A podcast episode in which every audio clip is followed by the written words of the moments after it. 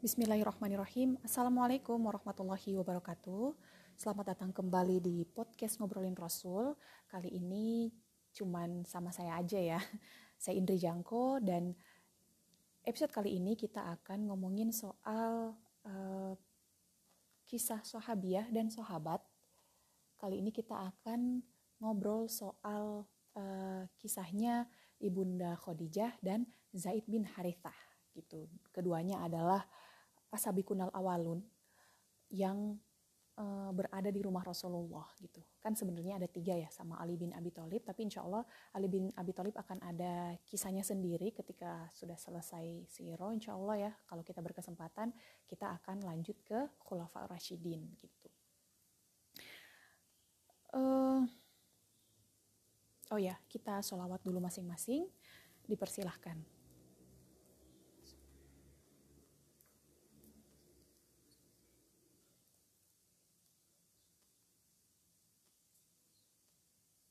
Allahumma sholli ala Muhammad wa ala ali Muhammad.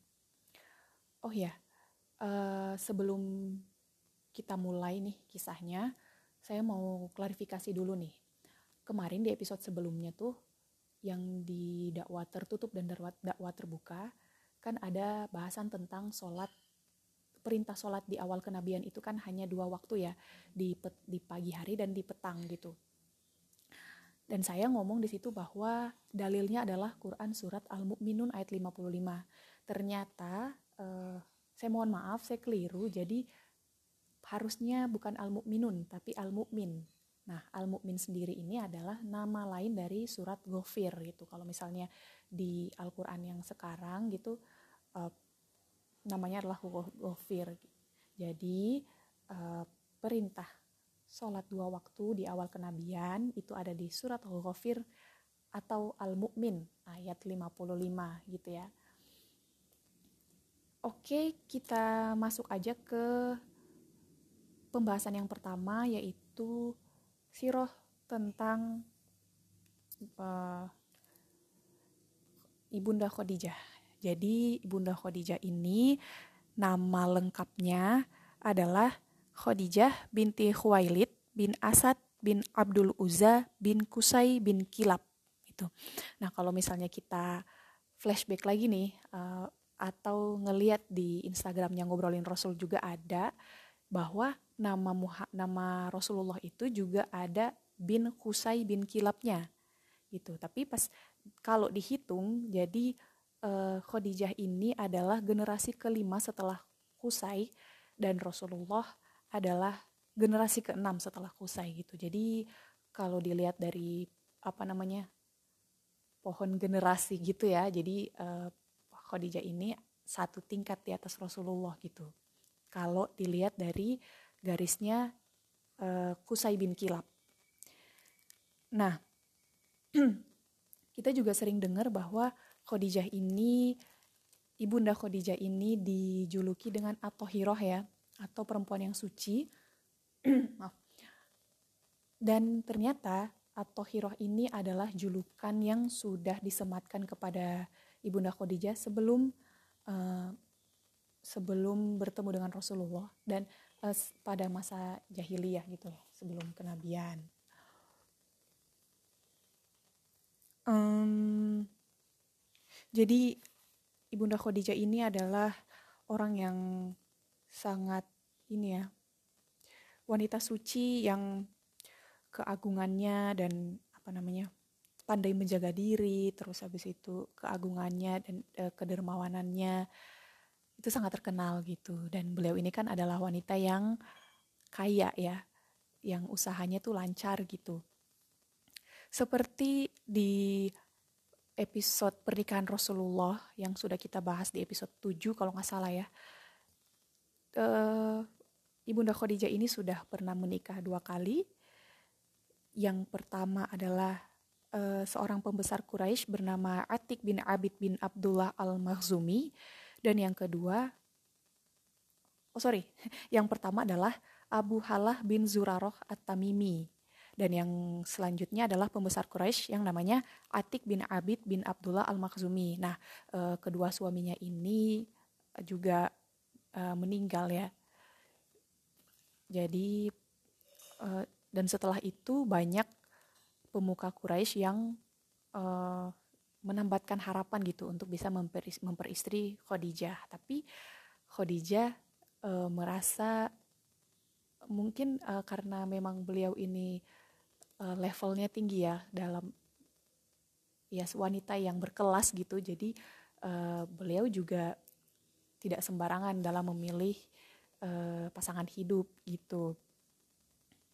Dan Khadijah ini merasakan ada harapan besar, ada ada takdir besar yang akan menghampirinya sehingga beliau itu setelah uh, sepeninggal suami yang kedua itu sangat apa ya?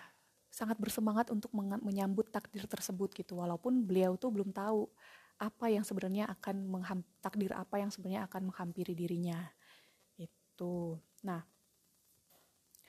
Khadijah ini sebelum ketemu Rasulullah itu sudah sering mendengar uh, penuturan tentang kenabian tentang uh, agama itu dari sepupunya yaitu Warokoh bin Naufal ya yang kita juga udah pernah bahas uh, di Wahyu pertama.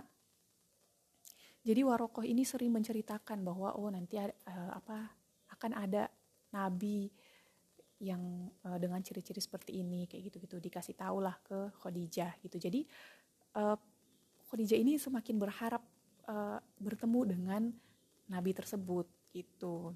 Nah, pada suatu hari uh, Khadijah ini setelah tawaf di Ka'bah Khadijah ini tidur dan bermimpi matahari besar turun di langit Makkah dan berhenti di tepat di atas rumahnya gitu. Nah, setelah uh, bermimpi seperti ini, jadi uh, matahari besar itu tuh tepat di atas rumahnya sehingga seluruh sudut ruangan di rumah Khadijah itu tuh terang gitu. Nah, beliau ini menceritakan hal tersebut kepada Warokoh dan Warokoh bilang bahwa insya Allah maksudnya atas izin Allah kenabian itu akan hing, uh, akan singgah di rumahmu kayak gitu. Nah ini kan uh, apa namanya semakin membuat Khadijah bersemangat ya walaupun sebenarnya beliau juga belum tahu siapa yang akan menjadi nabi atau apakah benar-benar cahaya kenabian itu akan masuk ke dalam rumahnya. Nah uh, sampai akhirnya uh, ini ya yang sudah bahas kita sudah kita bahas sebelumnya bahwa uh, apa Rasulullah itu akhirnya menjadi mitra dagang dari Khadijah yang akan mem, memperdagangkan uh, apa barang-barang Khadijah ke Syam gitu dan dari sini dan dari penuturan Maisarah juga jadi eh, tanda-tanda kenabian dan apa ya keagungannya Rasulullah itu tuh makin nampak dan makin membuat uh, Khadijah ini semakin apa ya tertarik gitu. Nah, uh, masya Allah ya, maksudnya di sini tuh Khadijah tuh dideketin sama pembesar Quraisy yang uh, menjanjikan banyak hal, tapi beliau itu dengan kebijaksanaannya, dengan kepintarannya, dengan kecerdikannya malah memilih Nabi Nabiullah yang uh, apa pada saat itu kondisinya juga belum seperti pembesar-pembesar pembesar-pembesar Quraisy yang datang kepada Khadijah kan. Ini masih uh, muda, masih merintis karir kayak gitu. Tapi uh, apa? Khadijah ini memilih Nabi sebagai uh, suami itu karena mencari kepuasan jiwa, kekayaan hati dan kemuliaan akhlak gitu. Uh, yang mungkin apa ya kapasitas kualitas ini tuh jarang dimiliki oleh wanita-wanita gitu. uh, akhirnya ini ya uh, Khadijah ini kan apa namanya resah gitu. Maksudnya gimana caranya uh, dia bisa menyampaikan beliau bisa menyampaikan uh, keinginannya untuk menikahi Rasulullah gitu. Dengan motivasi-motivasinya dia tadi ya yang ingin mendapatkan ketenangan hati dan sebagainya uh, akhirnya uh, apa diperantarai oleh Faisah terus habis itu berlangsunglah pernikahan pernikahan antara Muhammad dengan Khadijah gitu. Nah, uh, jadi terus Khadijah ini tuh punya anak dari suami pertamanya yang namanya uh, anak laki-laki namanya Hindun dan Hindun ini juga tinggal bersama uh, Khadijah dan Muhammad gitu. Tapi untuk yang Hindun ini saya belum mendapatkan sumber yang lain ya, cuman di, uh, dikasih tahu bahwa Hindun ini berhidup bersama keduanya. Nah, um, beberapa hal yang apa ya, yang di highlight gitu dari kehidupannya ibunda Khadijah ini, misalnya adalah uh, beliau itu adalah apa ya, hatinya itu sangat dermawan dan pengasih gitu. Jadi salah satunya di kisahnya Halimatus Sa'diyah. Jadi Halimatus Sa'diyah ini ini kan ya uh, ibu susu dari Rasulullah dan pasti Rasulullah itu selama pernikahannya dengan Khadijah pasti sering membicarakan tentang uh, Halimatus Sa'diyah ini kan. Nah, Halimatus Sa'diyah datang ke rumah Rasulullah dan benar-benar dijamu oleh Khadijah gitu. Mungkin kita kalau membayangkan uh, dengan usianya Khadijah yang beda sama Rasulullah 15 tahun, uh, mungkin apa ya? Uh, usianya Khadijah dengan usianya Halimatus Sa'diyah mungkin nggak beda jauh gitu tapi beliau memperlakukan uh, Halimatus Sa'diyah itu seperti ibunya sendiri karena memang menjadi ibu susu dari Rasulullah kayak gitu terus uh, oh ya uh, saya saya mendapatkan sumber ini dari buku yang judulnya 35 Siroh Sahabiah 35 sahabat wanita Rasulullah SAW jilid 1 yang dikarang oleh Mahmud Al-Misri.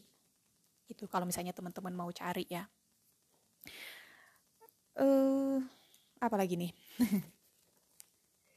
Jadi uh, banyak sekali keutamaannya Khadijah ini seperti yang sudah kita bahas juga sebelumnya di episode uh, awal masa kenabian bahwa Khadijah ini sangat menguatkan Rasulullah gitu ketika wahyu pertama turun terus habis itu uh, apa Rasulullah tuh merasa khawatir ini apakah aku di uh, kena sihir atau apa? gitu sehingga bisa melihat hal seperti itu gitu. Jadi uh, dan di sini Khadijah ibunda Khadijah tuh tampil dengan keyakinannya kepada Rasulullah terus dengan kebersihan hatinya dengan keyakinannya kepada uh, ini ya kepada agama Allah kayak gitu.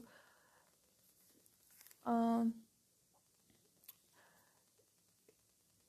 hal ini tuh maksudnya uh, Khadijah menguatkan Rasulullah tuh nggak cuman di uh, pas awal pas wahyu pertama turun ya tapi juga di masa-masa setelahnya sampai akhirnya Khadijah wafat kayak gitu. Salah satunya ada uh, beberapa peristiwa, misalnya uh, intimidasi yang dilakukan oleh kaum Quraisy uh, pada tahun-tahun setelah ini ya, setelah dakwah terbuka. Jadi sekitar tahun keempat atau tahun kelima kenabian itu mulai ada teror, intimidasi dari kaum Quraisy supaya Rasulullah itu berhenti berdakwah kayak gitu. Nah ini akan kita bahas di episode selanjutnya ya. Lengkapnya akan kita bahas di episode selanjutnya. Lalu ada uh, Rasul apa Khadijah ini juga berperan dalam mendampingi Rasulullah ketika harus memutuskan sahabat-sahabat lain untuk hijrah ke Habasyah, terus abis itu mendampingi Rasulullah ketika boykot bagi kaum muslim ya yang berlangsung sekitar 2 sampai 3 tahun. Nah, semakin ke sini tuh Khadijah dengan mengorbankan harta dan jiwanya itu akhirnya juga merasakan uh, penderitaan gitu sama seperti kaum muslimin lainnya gitu. Ketika setelah uh, beliau mengorbankan semua hartanya terus abis itu akhirnya juga mencicipi masa di mana uh, harus makan dedaunan gitu ketika kaum muslimin sudah kehabisan bahan makanan selama masa pemboikotan. Uh, masya allah ya maksudnya kapasitas ini tuh hanya dimiliki oleh orang-orang yang memiliki keyakinan pada Allah dan Rasulnya itu yang sangat kuat terus yang apa ya nggak bisa dibayangin sih. Mungkin kalau kita sekarang kalau misalnya ada kekurangan sedikit bisa mengeluh gitu. Apalagi kalau sebelumnya kita uh, apa dilingkupi oleh berbagai kecukupan terus akhirnya tiba-tiba harus merelakan semua itu dan harus kelaparan gitu nggak semua orang bisa kayak gitu gitu nggak semua orang punya kemampuan untuk rela dan ikhlas hanya untuk Allah kayak gitu ya hmm, hmm banyak banget sih ini apa namanya hmm, kisah-kisahnya yang bisa kita ambil dari Ibunda Khadijah gitu. Nah, fakta selanjutnya uh, Khadijah ini hanya selama selama hidupnya itu hanya melaksanakan sholat yang dua waktu yang di Quran surat Ghafir ayat 55 itu ya. Karena perintah Isra Mi'raj itu terjadi ketika Khadijah wafat gitu. Jadi ketika setelah tahun berduka uh, ketika Khadijah wafat dan Abu Talib wafat itu uh, kejadian Isra Mi'raj itu adalah salah satu cara Allah untuk menghibur Rasulullah setelah kepergian dua orang yang dikasihinya gitu. Jadi uh, Khadijah belum sempat melaksanakan sholat lima waktu yang se seperti perintah yang uh, diterima Rasulullah setelah eh, ketika Isra Mi'raj gitu. Nah, uh, apa namanya ada ketika membaca sirah sahabiah tentang Khadijah ini ada hal menarik juga yang saya highlight ya. Bahwa eh, apa namanya pernikahan Rasulullah dan Khadijah itu adalah pernikahan yang berkah kan. Dan rumah tangganya pun berkah gitu. Salah satu keberkahan yang sangat tampak di keluarganya Rasulullah sama Khadijah ini adalah bahwa di dalam rumah tersebut banyak uh, apa anggota keluarganya itu tuh uh, sangat dekat dengan sur surga gitu. Rasulullah pertama Rasulullah adalah manusia paling agung sepanjang sejarah yang tentunya akan menjadi uh, apa namanya pemimpin umat muslim di surga gitu. Yang kedua, Khadijah. Khadijah adalah wanita paling agung se sejagat raya gitu. Wanita paling agung yang mendampingi manusia paling agung. Nah Rasul uh, wan, apa Khadijah ini juga sudah dijamin sama Allah gitu akan masuk surga. Bahkan disebutkan uh, apa jenis rumahnya tuh spesifik disebutkan sama Allah gitu. Yang ketiga anaknya Fatimah itu adalah pemimpin wanita di surga. Yang keempat Ali bin Abi Thalib uh, yang dari yang sebelum menjadi menantunya Rasulullah memang sudah tinggal di rumahnya Rasul ya. Ini adalah 10 orang yang dijamin masuk surga. Dan yang kelima adalah Zaid bin Harithah, orang yang uh, sahabat Rasulullah satu-satunya yang disebutkan namanya secara spesifik di dalam Al-Qur'an gitu. Nah, kita mau setelah ini kita mau bahas tentang Zaid bin Harithah.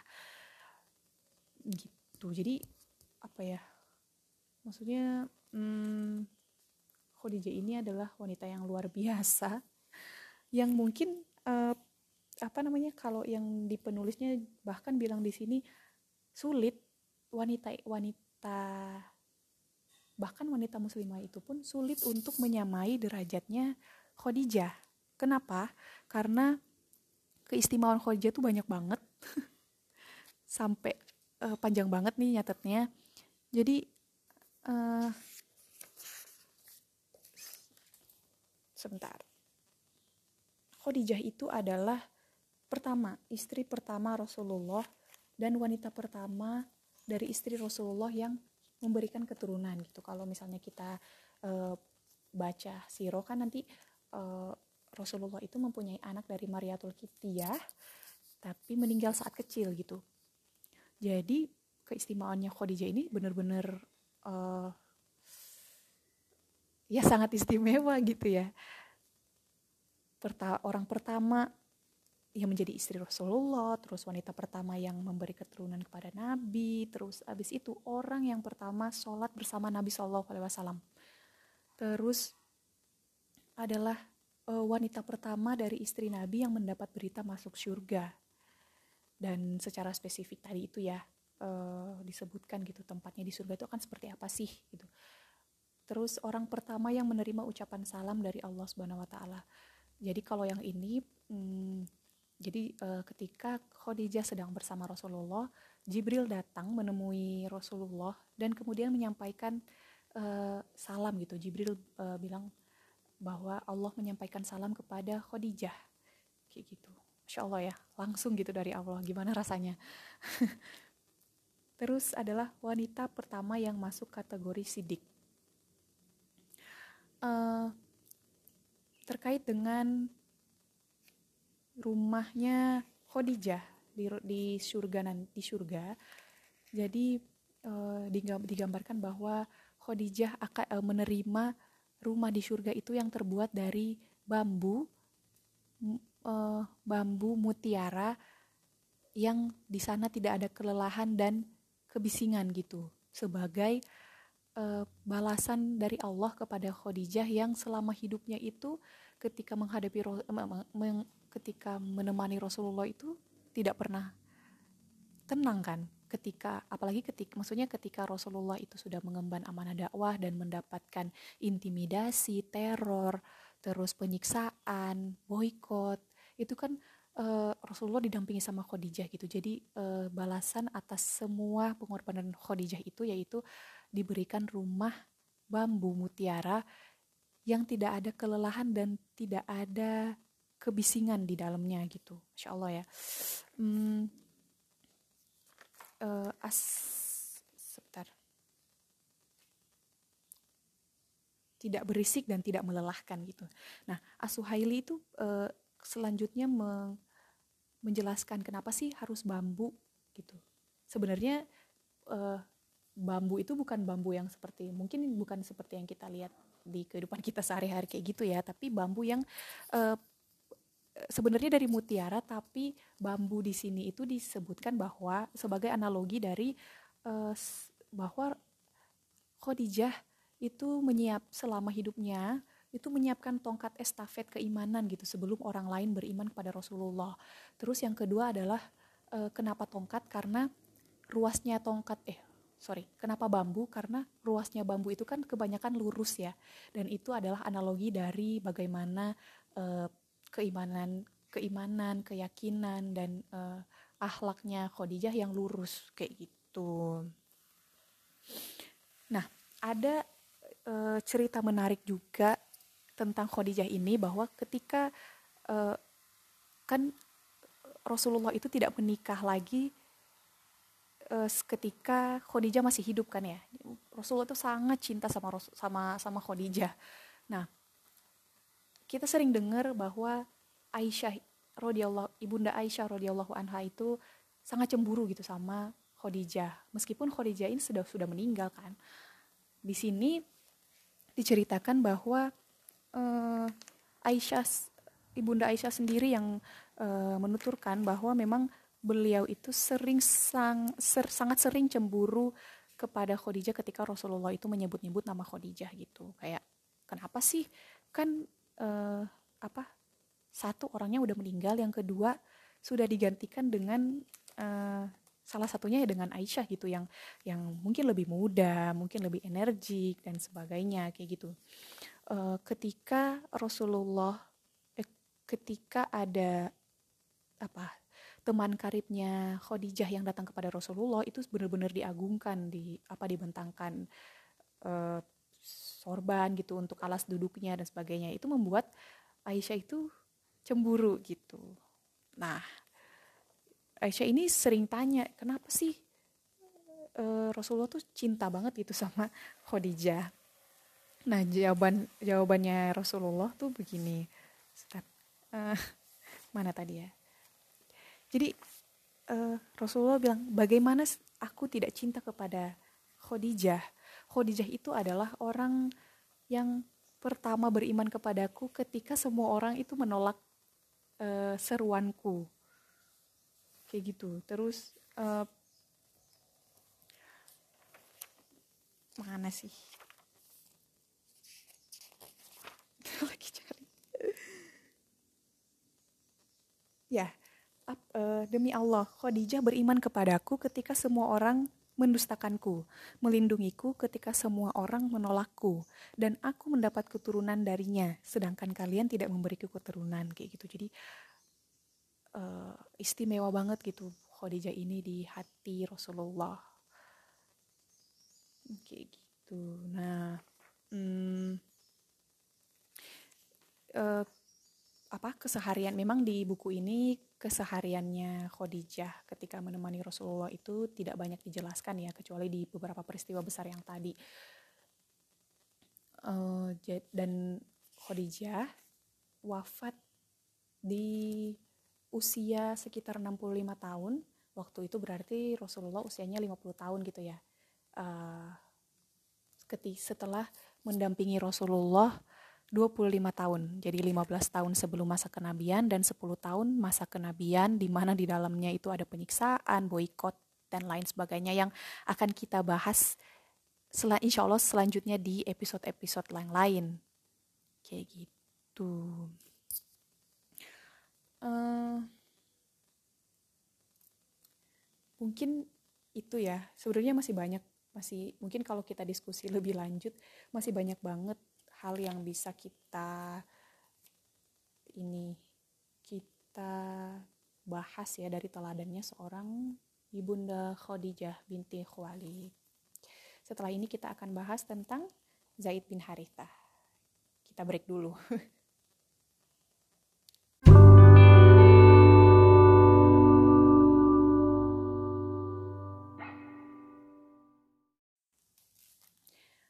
Kita lanjut ke kisah selanjutnya yaitu Zaid bin Harithah. Ini masih sangat berhubungan juga dengan kisah sebelumnya yaitu kisahnya Ibunda Khadijah ya. Jadi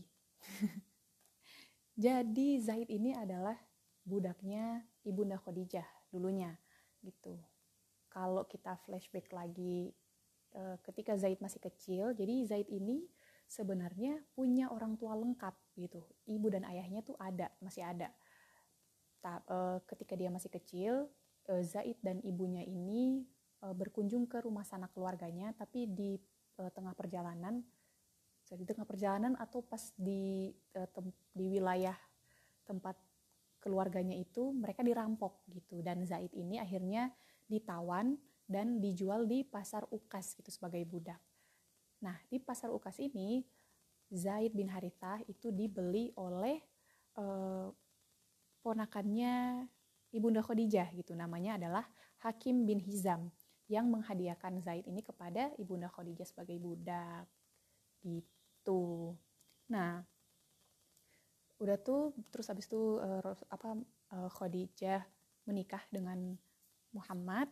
Terus habis itu karena melihat kedekatan antara uh, Muhammad dengan Zaid bin Haritha ini akhirnya uh, ibunda Khadijah menghadiahkan lah menghadiahkan Zaid untuk Rasulullah untuk Muhammad. Nah saking cintanya Muhammad kepada Zaid bin Haritha ini akhirnya Zaid dimerdekakan dari budak ya dan ya tapi tetap tinggal di rumahnya uh, Muhammad gitu di di rumahnya Muhammad dan Khadijah. Gitu. Terus habis itu jadi kan hmm, karena memang Zaid ini adalah orang yang kena rampok terus ditawan jadi uh, apa ayahnya Zaid bin Haritha kan namanya jadi ayahnya Haritha nih. Haritha ini uh, selalu mencari gitu Zaid ini sebenarnya ada di mana. Eh, sampai-sampai suka apa namanya bikin puisi pilu yang menyayat hati setiap orang kayak gitu. Nah, dalam suatu musim haji, beberapa orang dari yang satu kaum sama Zaid bin Haritha ini datang ke Mekah tuh. Dan ketika melakukan tawaf di Ka'bah, mereka bertemu dengan Zaid itu dan mereka langsung mengenali Zaid, begitupun Zaid. Zaid tuh langsung mengenali eh, orang-orang dari kaumnya ini Gitu. Setelah menyelesaikan rangkaian manasik haji, mereka kembali ke kampung halamannya dan ngasih tahu ke Haritha bahwa Zaid bin Haritha ini ada di Makkah loh, kayak gitu. Akhirnya Haritha uh, Haritha datang ke Makkah untuk uh, dengan maksud untuk menjemput lah, menjemput anaknya ini karena kan memang dia sayang banget dan terus hilang terus tiba-tiba ketemu, ya pasti pengen jemput dong ya. Nah, ini hmm, apa uh, Harithah langsung menemui Muhammad. Kemudian uh, apa namanya kayak mau kasih tahu bahwa dia akan menjemput hari uh, jemput Zaid. Terus habis itu uh, Rasulullah menawarkan gimana kalau misalnya kita tanya aja ke Zaidnya gitu. Zaid mau tinggal sama siapa? Mau tetap tinggal di sini bersama bersamaku atau pulang bersama kalian Terus habis itu Rasulullah memanggil Zaid. Uh, dia ber, uh, lalu berkata, apakah engkau kenal dengan mereka? Gitu. Zaid menjawab, ya tentu. Ini adalah ayahku dan ini adalah pamanku gitu. Jadi dia kenal. Terus habis itu hmm, Rasulullah melanjutkan, engkau juga telah mengenalku dengan baik gitu. Engkau tahu betapa besarnya cintaku kepadamu. Untuk itu, silahkan pilih. Engkau memilih tetap bersamaku atau pulang bersama mereka. Dan Zaid dengan mantap menjawab, Aku tidak akan memilih siapa pun kecuali engkau. Bagiku engkau setara dengan ayah dan pamanku. Terus uh, Haritha kaget ya mendengar hal itu gitu. Mana mana bisa gitu uh, apa dia dikalahkan dengan orang yang bukan bukan ayah uh, ayahnya sendiri itu dikalahkan dengan orang lain gitu loh. Apalagi kalau misalnya di, di ini sebelumnya kan dia dijadiin budak gitu sama orang-orang di Mekah ini. Uh, terus abis itu uh, Rasulullah tuh seneng banget kan? Uh, jadi uh, si Haritha ini bilang gini ke Zaid apakah engkau lebih suka menjadi budak daripada menjadi seorang yang merdeka dan kembali kepada ayah dan pamanmu gitu. Zaid menjawab, ya, aku melihat pada diri tuanku ini sesuatu yang membuatku tidak akan pernah memilih siapa pun selain dia. Nah ini uh, ini membuat Rasulullah happy gitu ya dan langsung membawa Zaid ke area Hijr Ismail lalu berkata dengan lantang wahai segenap orang yang hadir di sini saksikanlah bahwa aku telah mengangkat Zaid sebagai anakku sendiri, ia menjadi ahli warisku dan aku menjadi ahli warisnya. Itu. Nah, melihat kejadian ini, ayah dan paman Zaid uh, luluh lah gitu ya, maksudnya tenang gitu karena Zaid ini akan disayangin sama uh, seseorang yang bernama Muhammad ini gitu. Kita jadi kita nggak perlu takut. Akhirnya Harithah dan uh, saudaranya itu kembali lagi ke kaumnya. Sejak saat itu, Zaid itu dipanggil dengan nama Zaid bin Muhammad itu. Tapi e, nanti kan pada perjalanannya e, Rasulullah akan menerima wahyu e, tentang ini, tentang kuniah itu ya. Maksudnya e, e, Zaid apa seseorang itu harus dipanggil dengan nama bapak kandungnya gitu. Kalau kita lihat itu di surat Quran surat Al-Ahzab ayat 5 di situ uh, Allah berfirman panggillah mereka anak-anak angkat itu dengan memakai nama bapak-bapak kandung mereka. Jadi nanti uh, Zaid bin Muhammad ini akan kembali lagi namanya menjadi Zaid bin Haritha yang uh, kita kenal nanti uh, apa namanya sampai beliau wafat pun akan namanya tetap Zaid bin Haritha gitu udah gitu hmm, Zaid ini kisahnya Zaid ini menjadi sebab-sebab turunnya wahyu. Yang pertama yang tadi itu ya Al-Ahzab ayat 5, terus kemudian Al-Ahzab eh, ayat 40 sama Al-Ahzab ayat 37 gitu.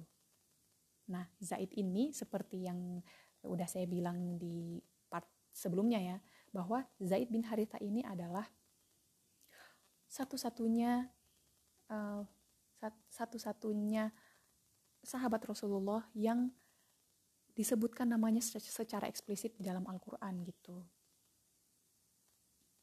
di Quran surat Quran surat Quran surat Al-Ahzab ayat 37 gitu. Silahkan dilihat juga ya. Nah, uh, hal lain jadi uh, kehidupan Zaid ini selain uh, menjadi sebab turunnya Al-Quran, terus menjadi sebab uh, turunnya hukum gitu. Bahwa uh, salah satunya adalah jadi uh, Rasulullah itu menikahkan Zaid dengan Zainab binti Jahsi gitu.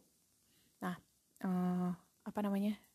Ternyata, tapi ternyata Zainab ini tidak sepenuh hati gitu menerima Zaid sebagai suaminya karena mereka memang uh, secara mungkin secara pergaulan, secara kondisi ekonomi dan lain-lain itu berbeda gitu. Jadi nggak sekufu nih. Dan akhir uh, tapi karena Rasulullah sendiri yang menawarkan Zaid kepada Zainab jadi kan nggak enak ya kalau kalau mau ditolak gitu jadi uh, pernikahan itu tidak berlangsung lama uh, akhirnya Zaid uh, bercerai dengan Zainab binti Jahsi yang nanti kemudian ketika ini kan uh, Rasulullah tentunya ketika Khadijah udah wafat ya dan uh, setelah masa kenabian tahun keberapa gitu Rasulullah akan menikahi Zainab binti Jahsi ini gitu. Dan ini tuh menjadi bahan ini kan maksudnya ini isu yang enak banget gitu untuk digoreng gitu oleh kaum Quraisy. Masa sih masa anak angkat uh, mas masa istrinya mantan istrinya anak angkat dinikahin oleh bapak angkatnya sendiri gitu. Sampai akhirnya Allah sendiri yang menurunkan hukum dan menurunkan wahyu uh, di Quran surat Al-Ahzab 40 uh,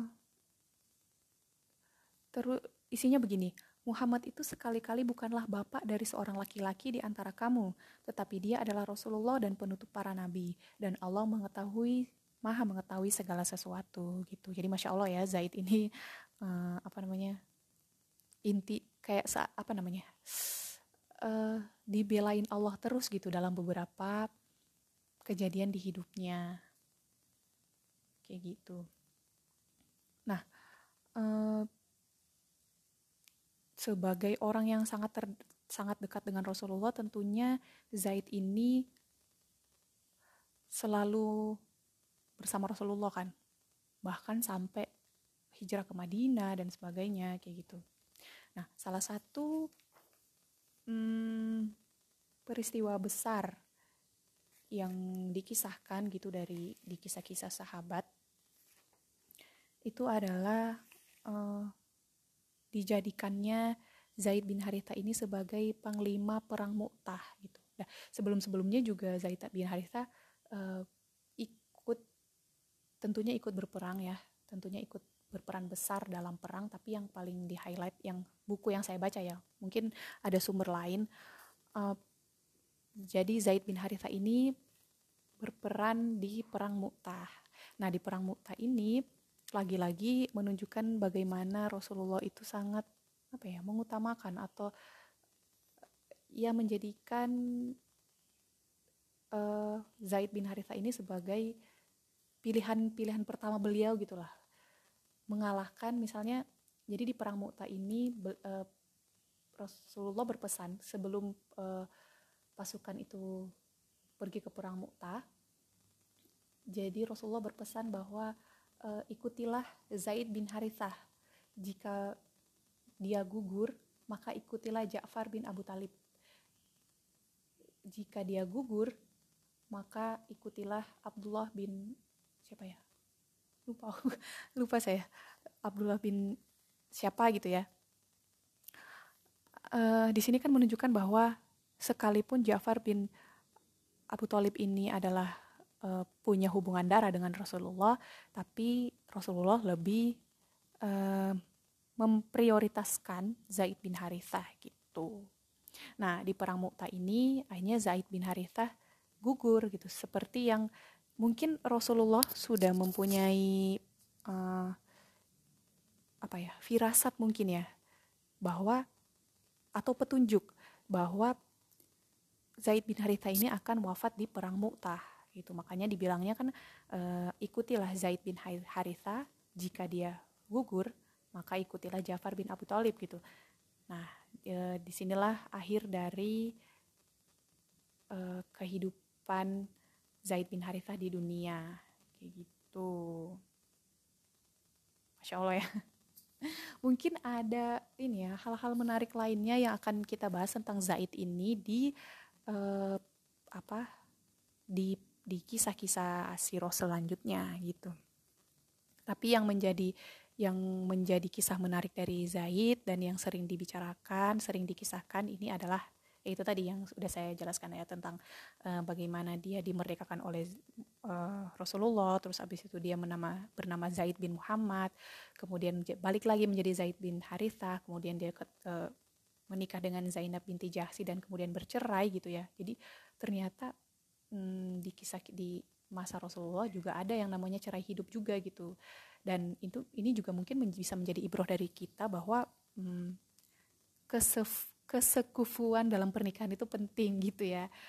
Uh, walaupun kita nggak bisa melihat sekufu itu dari cuma dari uh, kondisi ekonomi aja atau misalnya dari uh, apa gaya hidup sehari-hari atau misalnya dari keturunan nggak gitu. Tapi juga kita bisa lihat dari misalnya uh, pemahaman atau ad, harus ada kecocokan antar di dalam pernikahan itu gitu. Supaya uh, keduanya rela untuk menjalani pernikahan. Terus habis itu uh, misi-misi pernikahan itu tuh bisa terwujud gitu. Dengan tan uh, apa supaya nggak jadi sama kayak Zainab ini yang ternyata tidak sepenuh hati menikahi Zaid gitu. Hanya karena nggak enak dengan Rasulullah. Kayak gitu deh. Uh, mungkin itu ya uh, kisah selingan gitu di episode ini kisah selingannya Siroh di episode kali ini mohon maaf sekali kalau misalnya masih banyak hal-hal yang tidak tersampaikan atau uh, ada hal-hal yang mungkin lupa tadi aja lupa nama Abdullah bin siapanya lupa. Terus uh, mungkin lompat-lompat ya tidak runut uh, dalam pengisahannya. Uh, saya dan teman-teman uh, selama berada di podcast ini hanya berusaha untuk sharing apa yang kami ketahui dan uh, kami juga belajar dari sana kayak gitu. Nah, semoga bermanfaat semuanya untuk teman-teman uh, selamat menjalankan ibadah puasa ya. Semoga uh, kita bisa memaksimalkan puasa di tengah pandemi ini dengan semaksimal semaksimal maksimalnya ibadah, seikhlas ikhlasnya ibadah dan apa ya semampu mampunya kita dalam hmm, melaksanakan semua ibadah wajib dan sunnah yang ada di dalam Ramadan ini gitu. Baik, terima kasih sudah mendengarkan sampai akhir. Sampai jumpa di episode selanjutnya. Wassalamualaikum warahmatullahi wabarakatuh.